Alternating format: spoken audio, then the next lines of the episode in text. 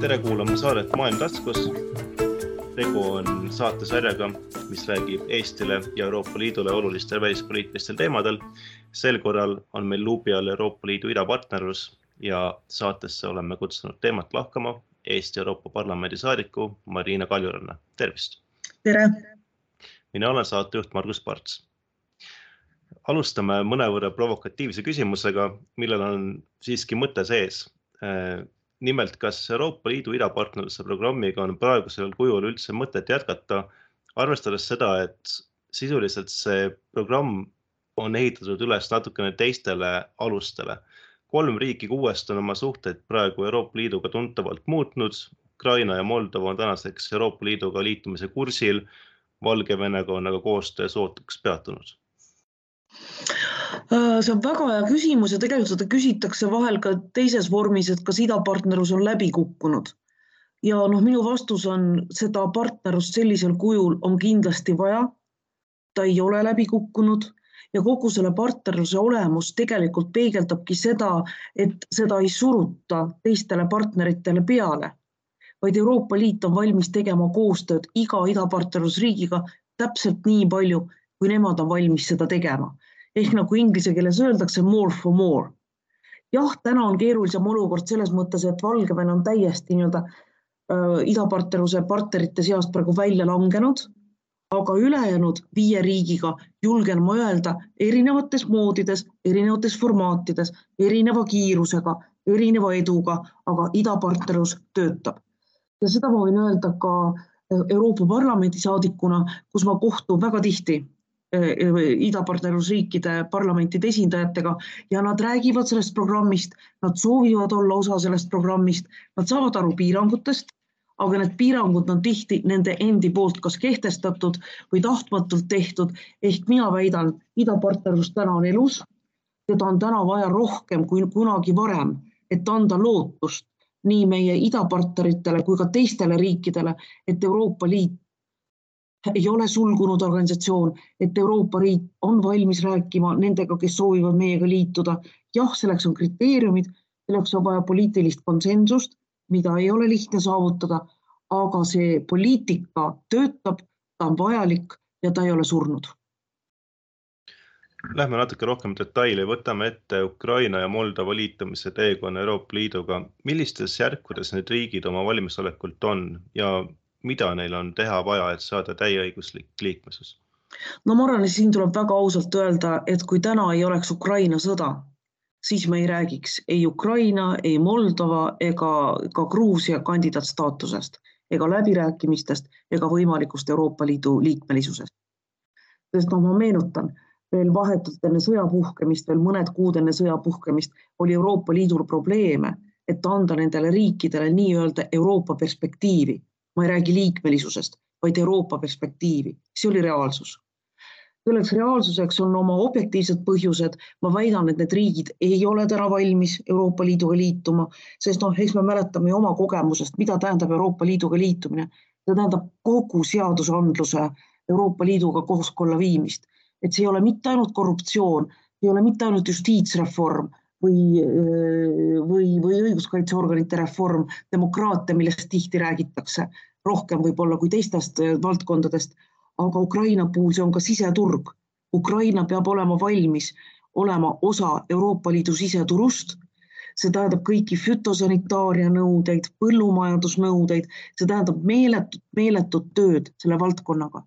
ja ka siis, kui puht objektiivselt on kõik tehtud ei anna see garantiid, et ollakse poliitiliselt kõigi Euroopa Liidu liikmesriikide poolt valmis neid Euroopa Liitu võtma. nii et praeguses staadiumis on mõlemad Ukraina ja Moldova kandidaatriigid. kandidaatriigid on selline noh, suur ja võimas poliitiline loosung, mis sisuliselt juriidilisi kohustusi ei tekita, aga noh, mis ütleb, et me oleme valmis alustama teiega läbirääkimisi et mida ma praegu ootan, ma ootangi, et siis millalgi peaksid algama läbirääkimised Ukrainaga Nad saavad olema pikad, nad saavad olema rasked, noh, ma meenutan meie läbirääkimisi, mis kestsid alates, mis nad siis olid, alates üheksakümne üheksandast aastast kuni kahe tuhande neljandani. Ukrainal saab see olema palju keerulisem ja, ja, ja hakataksegi siis samm-sammult läbirääkimistega liikuma kui nüüd selge pilguga seda asja hinnata, mis ajaskaalast me räägime? kümme aastat, seitse aastat? Ma ei julge sellel teemal spekuleerida, aga fakt on see, et äh, ukrainlaste lootused ja ootused on täna kõrgemad, kui Euroopa Liit on valmis nendele vastama. nii et noh, minu jaoks on oluline küsimus ka hoida ukrainlaste ambitsioonid ja lootused realistlikena Äh, ma saan aru, et Ukraina, Ukrainas surevad iga päev inimesed oma iseseisvuse, oma riigi eest, Euroopa põhimõtete eest, soovi eest kuuluda Euroopa Liitu, ma saan sellest kõigest aru. Aga Euroopa Liit ei tee hinnaalandusi. ja kui ma vaatan, kui raskelt tuli kandidaatriigi staatus näiteks Ukrainale, siis liikmelisus tuleb kordi-kordi-kordi raskemalt. kandidaatstaatust räägiti läbi Euroopa Liidus vist üle, üle kolme kuu. ukrainlased küsisid seda sisuliselt kohe pärast sõja puhkemist märtsi alguses ja said siis tingimuslikult alles juunikuus ja see oli kandidaatriigi staatus, mille kohta ma ütlesin, et ta tegelikult ei tekita mingisuguseid juriidilisi kohustusi. Nii et selles mõttes jah, ma arvan, et on oluline äh, rääkida ukrainlastega ausalt, äh, ohjeldada nende võib-olla liiga suurt lootust, et aasta-kahega nad on Euroopa Liidu liikmesriik, nad ei ole seda. aga täna öelda, kas see kestab seitse või seitseteist aastat, ma ei oska seda spekuleerida, sest noh, ma ei ole ka nii kursis nende erinevate, erinevate valdkondadega ja mida ühes või teises valdkonnas on Ukraina suutnud ka sõja ajal teha. Jah, üks valdkond, mida me väga palju näeme, on korruptsioon kus president Zelenskõi astub ikka väga põhimõttelisi samme ja kõrvaldab üksteise järel korrumpeerunud ametnikke, korrumpeerunud poliitikuid aga nagu ma ütlesin, äh, Euroopa Liidu liikmelisus ei tähenda mitte ainult korruptsiooni ja põllumajandust, vaid see on laiem spekter, mis äh, katab kogu, kogu riigi kõik seadused, kõik põhimõtted ehk riik peab täitma kõiki neid nõudeid, mida täidavad Euroopa Liidu liikmesriigid. Kas Moldova on Ukrainaga enam-vähem samasuguses positsioonis hetkel? Äh, subjektiivselt hinnates ütleksin ma jaa sest Moldova, ma noh, ma tõesti vabandan sellise sõna pärast, aga Moldova on praegu selline nagu väike ripats Ukraina küljes. Äh, riigi territoorium on väiksem, rahvaarvud pole võrreldavad ehk Moldova Euroopa Liitu vastuvõtmine kindlasti ei ole noh, nii suur väljakutse ja nii suur probleem nagu Ukraina, aga ta on poliitiliselt probleem, et kui võetakse vastu üks riik, kui ta läbib läbirääkimised ja seda samasugust põhimõtet ei kohaldata näiteks Ukrainale, suuremale riigile, see on võimatu. ehk ma ei kujuta ette, et Moldova saaks Euroopa Liidu liikmesriigiks või alustaks läbirääkimisi enne, kui seda alustab Ukraina. ma kujutan ette, et nad hakkavad liikuma enam-vähem samas tempos ja kui Moldova peaks olema edukam, siis ta lihtsalt ootab Ukrainat järgi, sest täna ma ei kujuta ette ka seda, et Ukraina no jälle väga raske spekuleerida, siiski võivad tekkida olukorrad, kus Moldova võib liikuda kiiremini Ukrainast, aga praegu ma kujutan ette, et see tempo saab neil kahel riigil olema enam-vähem ühesugune. me oleme siin rääkinud tandemis nüüd Ukrainast ja Moldovast, aga mitte Gruusiast. et noh, Gruusiaga puhul oli varem ka teada, et, et Gruusia on keeruline riik ja me oleme kahjuks näinud viimasel ajal seda, et seal on toimunud mitmed poliitilised arengud, mis panevad häirekellad päris tugevalt tööle. et äh, milline on praeguste viimast, viimatiste arengute äh, mõju Gruusias siis läbikäimisel Euroopa Liiduga? no ma saan hinnata eelkõige Euroopa Parlamendi poolt vaadates ja, ja te ütlesite väga õigesti, tegelikult Gruusia on täna väga suur pettumus.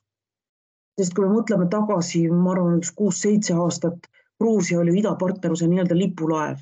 ta oli priimus, keda kiideti, kelle poole vaadati ja kui ma mõtlen täna objektiivselt reformidele, mida on tehtud Gruusias, Ukrainas ja Moldovas, siis ma arvan, et Gruusia on ikkagi oma reformidega teistest riikidest ees.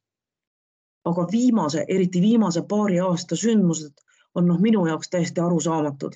riigis, kus ligi kaheksakümmend protsenti inimestest tahavad olla osa Euroopa Liidust, teeb võimul olev valitsus samme, mis nagu, mis on Euroopa Liidule arusaamatud ja jah, loovad täiendavaid takistusi Gruusiale.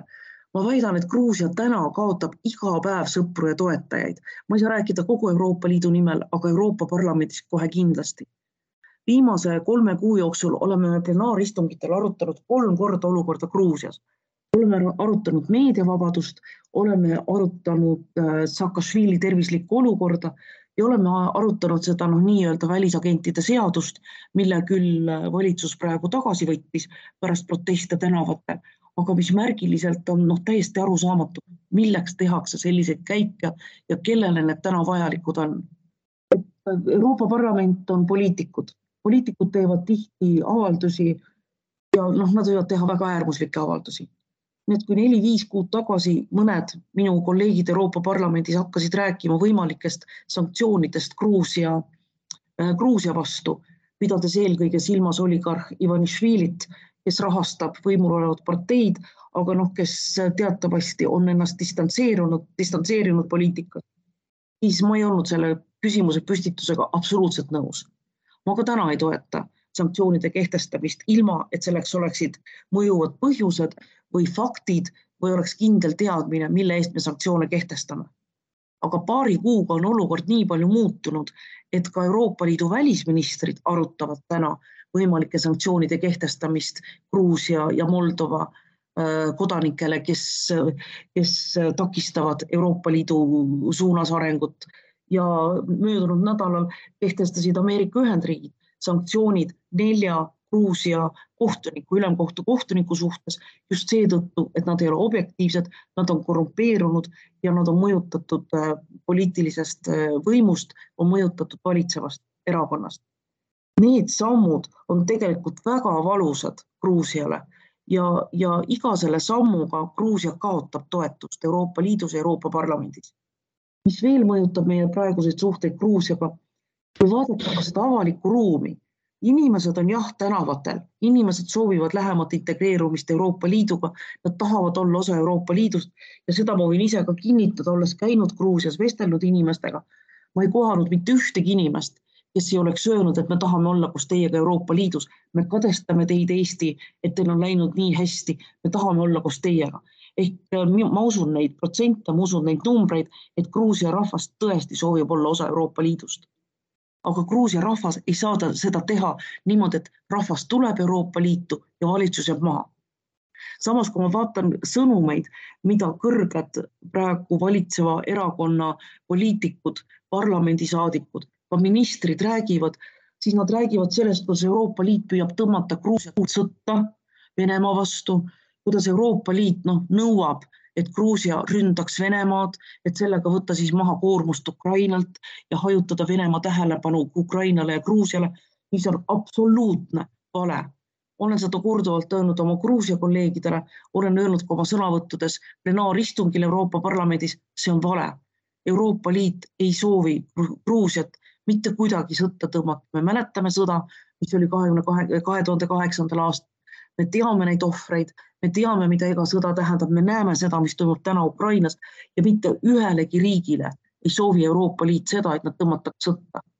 ja teine väide, mis on, et Euroopa Liit tahab umbes orjastada Gruusiat, et Gruusiasse suhtutakse nagu alamklassi, noh, öeldakse, kasutatakse sõna, nad vaatavad meid nagu orje. ka see on täiesti vale. Euroopa Liit on riikide liit, kuhu Gruusia tahab astuda meenutan kuidas meie astusime Euroopa Liitu, ega meid sinna ei oodatud, ega meid sinna ei kutsutud. aga see oli meile poliitiliselt oluline, me tegime oma reforme, me muutsime oma riiki ja me saime sinna sisse, sest oli soodne hetk. ja praegu on see võimaluste aken tänu sõja, tänu sõjale Ukrainas avanenud ka Gruusiale. aga vaadates viimase paari aasta käitumist, mul on tõesti, mul on seda, mul on seda väga-väga kurb ja, ja kurb, tõesti kurb öelda, aga ma näen, et see aken hakkab varsti Gruusia jaoks sulguma, kui Gruusia poliitika ei muutu, sest neid, kes täna Gruusiat toetavad või neid, kes toetavad täna Gruusia valitsust Euroopa Liidu poolt vaadates, noh, neid on järjest vähem, nad kaotavad iga päev sõpru ja toetajaid. Nad lubavad endale täiesti lubamatuid väljaütlemisi Euroopa Parlamendi saadikute aadressil jah, ma möönan, et mõned minu konservatiividest äh, kolleegid noh, ei ole alati poliitiliselt korrektsed oma väljaütlemistes ja jah, vahel nad ikka ütlevad üle võlli või ütleme niimoodi, et nad ütlevad nii, nagu mina mitte kunagi ei ütleks, sest see ei ole tasakaalukas väljaütlemine. noh, sellest sõimatakse neid Gruusia poolt äh, kurjategijateks, äraandjateks, reeturiteks. olen ka seda Gruusiale seletanud, et Te ei võida mitte midagi sellega, et te sõimate Euroopa Parlamendi saadikuid. iga selle sõimuga te veel kord kaotate toetajaid ja isegi kui mina isiklikult ei ole nõus oma kolleegide väljaütlemistega, ei lase ma teil oma kolleege selliselt sõimata. nii et noh, neid, et jah, tulles tagasi teie esialgse küsimuse juurde, olukord Gruusiaga on keeruline ja kui Gruusia poliitilised jõud ei pane ja ei hakka lõpuks koostööd tegema ja kui Gruusia võimul olev vali, võimul olev erakond ei hakka kuulama opositsiooni, tsiviilühiskonda, siis jah, kandidaatstaatuse saamine muutub neile iga päevaga järjest keerulisemaks. aga ütleme nii puhtteoreetiliselt, kas Gruusiale äkki oleks parem siiski kandidaatriigi staatus anda lootuses, et see seob riiki lähemalt Euroopa Liiduga ja takistab riigi langemist veelgi sügavamale sinna kuhugile hämarolekusse, kus ta praegu liigub? geopoliitiliselt kindlasti ja äh, kui arutati Euroopa Liidus ka kandidaat, kandidaatriigi staatuse andmist Ukrainale, Gruusiale, Moldovale, siis ka ütleme noh, meie Euroopa Parlamendis toetasime, et see kandidaatriigi staatus oleks antud kolmele erinevatel tingimustel, äh, aga kõigile kolmele sest jah, nagu te ütlesite, kui Gruusia jääb praegu sellest rongist maha, siis ei ole teada, kas ja millal järgmine võimalus üldse avaneb ja nad jäävadki Venemaa tagahooviks.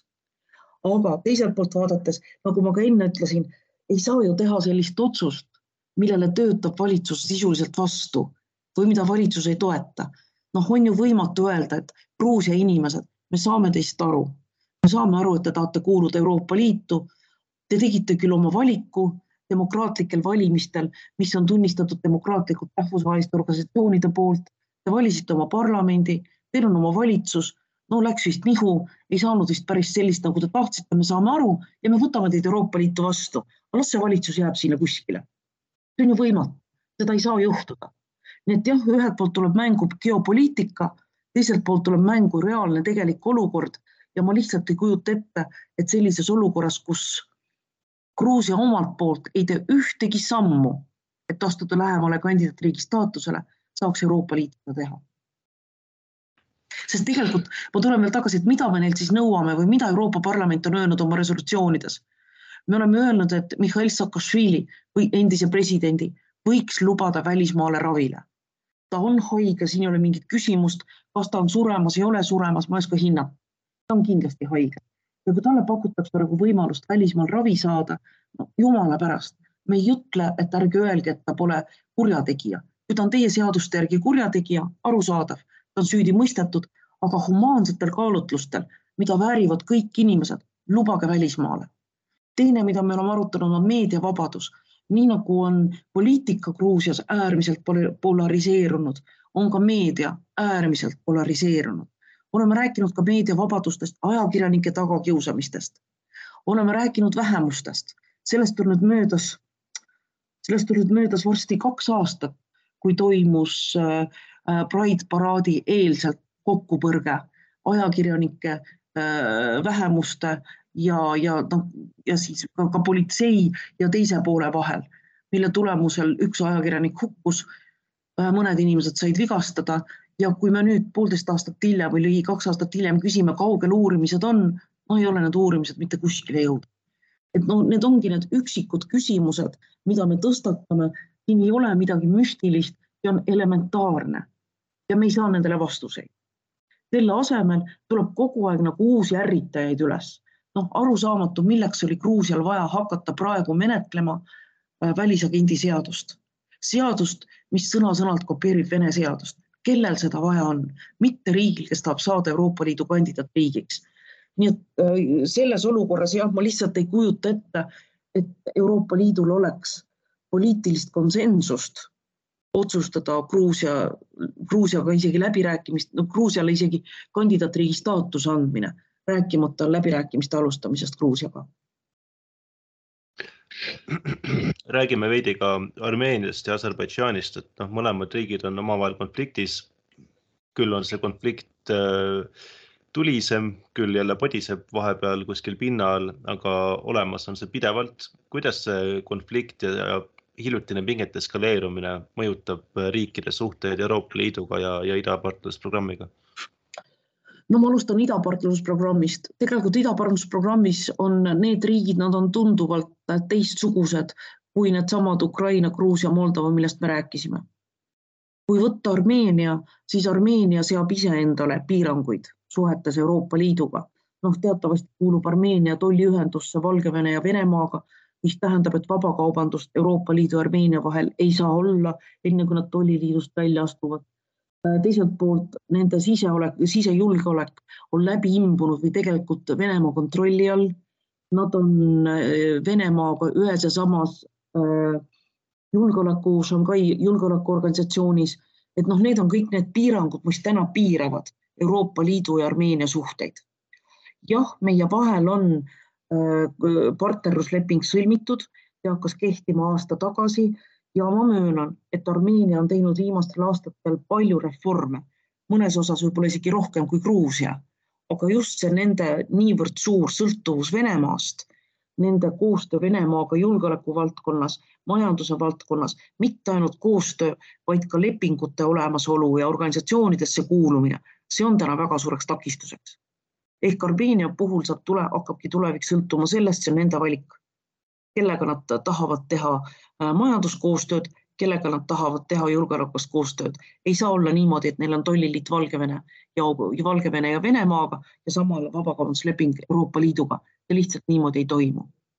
Aserbaidžaan on täna kehtestanud ennast Euroopa Liidule strateegilise majanduspartnerina. Äh, vaatasin ka ise pressikonverentsi, mille andis Bakuust eelmise aasta novembris komisjoni president Ursula von der Leyen, kui sõlmiti energiaalaseid kokkuleppeid Aserbaidžaaniga. ja ma arvan, et Aserbaidžaan tegelikult ei tahagi Euroopa Liidult midagi muud, kui olla kaubanduspartner. see riik on ise piisavalt äh, rikas, see riik äh, suudab ennast ise kaitsta, noh nagu näitas viimane sõda Mägi-Karabahhis, mitte ainult kaitsta, vaid ka rünnata oma naabreid, et kaitsealast koostööd nad ei vaja majandusalast abi, jah, energeetika valdkonnas nad tahavad saada ostjaid juurde, jah, energeetika vallas, valdkonnas kindlasti, kuid nende lähenemine Euroopa Liidule on teistsugune. ja kui võrrelda ka demokraatlikke reforme, noh, ma julgen väita, et Armeenia on praegu Aserbaidžaanist kõvasti eespool. mis puudutab Euroopa Liidu osa, noh, Euroopa Parlamendis olen ma Lõuna-Kaukaasia delegatsiooni juht, mis tähendab, et mina vastutan suhete eest Armeenia, Aserbaidžaani ja Gruusia parlamentidega, kohtub regulaarselt ja suhted Armeenia, Aserbaidžaani vahel on täna väga-väga keerulised.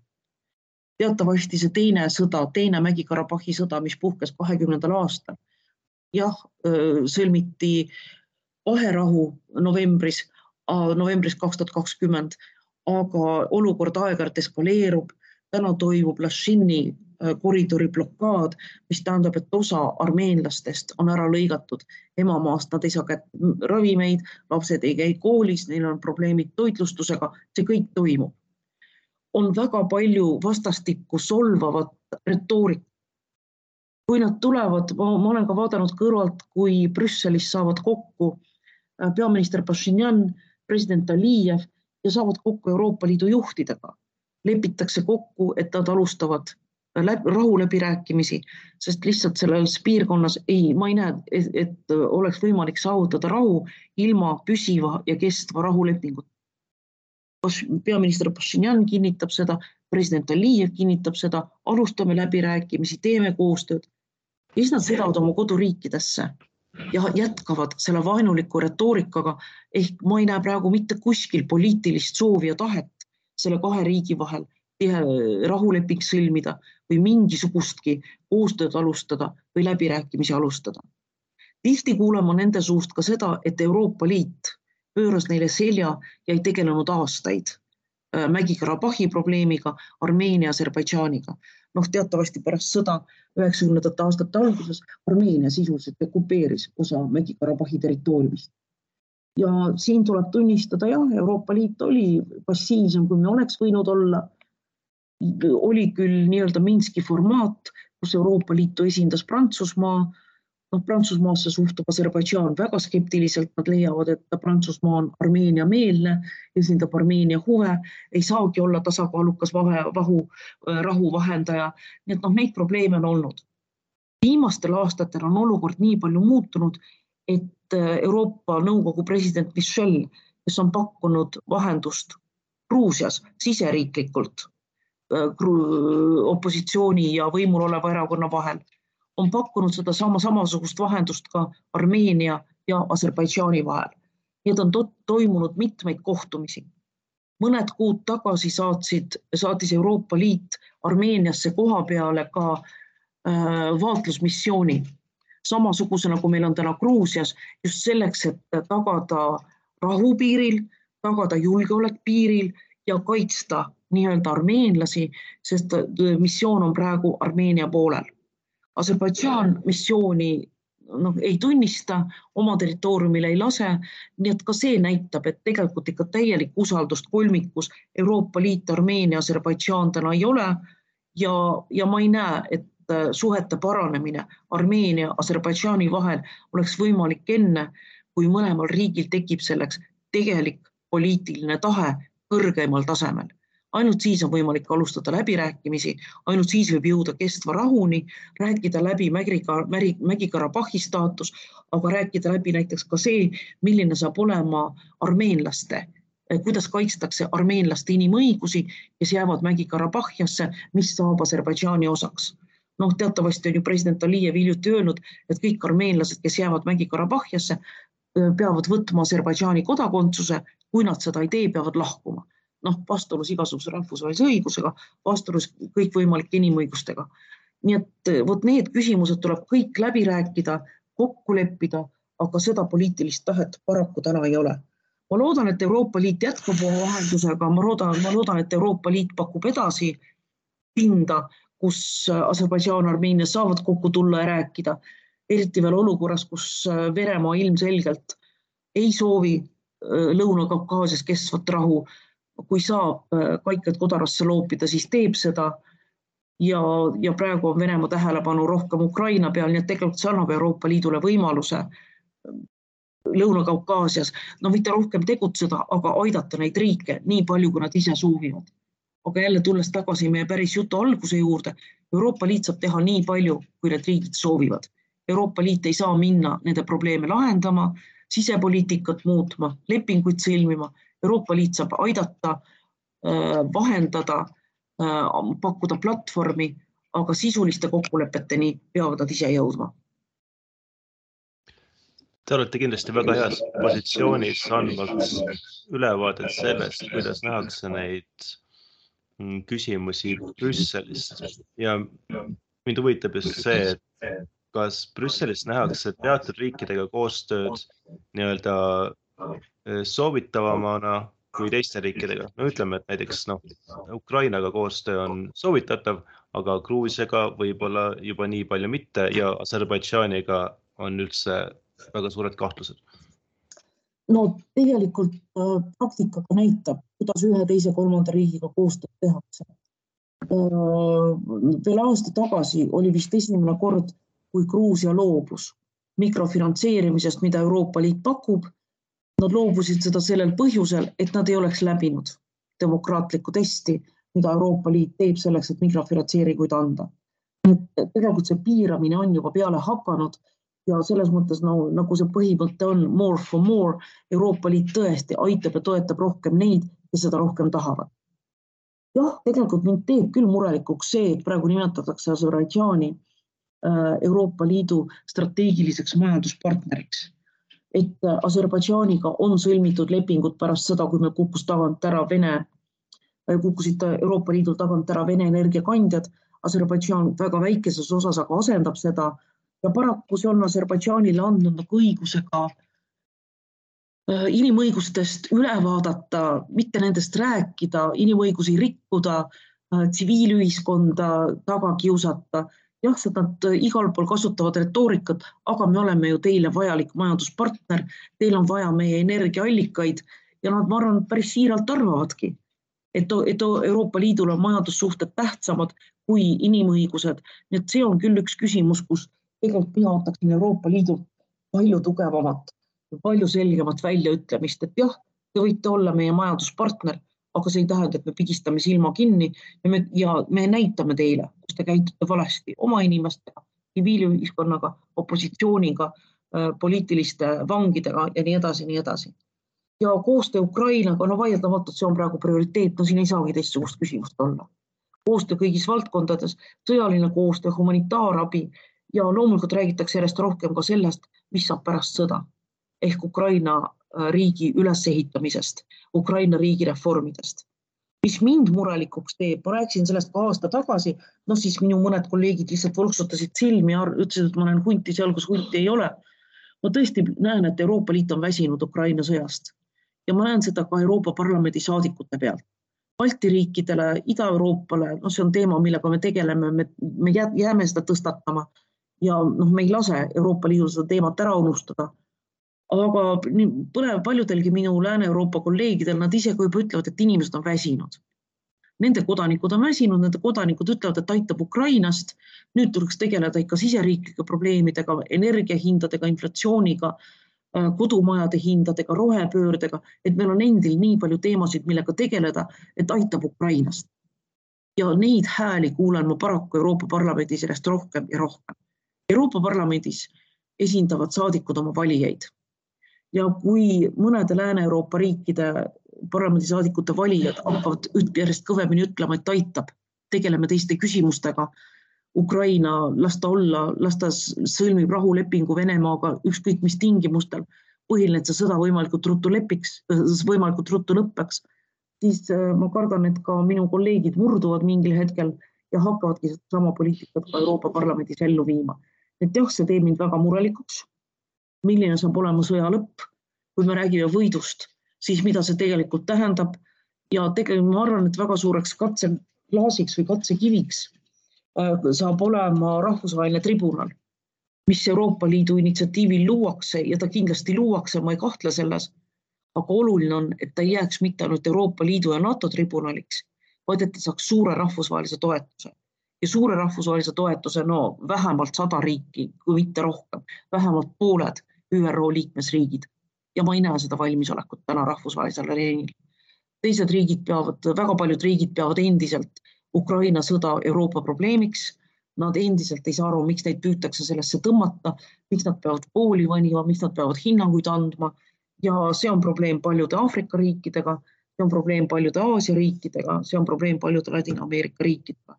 ehk see olukord Ukraina, Ukrainaga seotult ja Vene agressiooniga seotult on täna rahvusvaheliselt palju keerulisem, kui meile siin Tallinnas paistab kui me loeme valdavalt siis ülevaateid ja informatsiooni, mida me saame oma ajakirjanikelt, äh, Ukraina ajakirjanikelt, aga no meieni ei kosta, ei kosta eriti hääled, mis tulevad Aafrika riikidest või Ladina-Ameerikast. aga kui me vaatame rahvusvahelist äh, korda, kui me vaatame ÜRO-d, siis ÜRO Julgeolekunõukogu, siis seal on igal riigil üks hääl ja seal on esindatud võrdselt kõik riigid, olenemata geograafilisest asukohast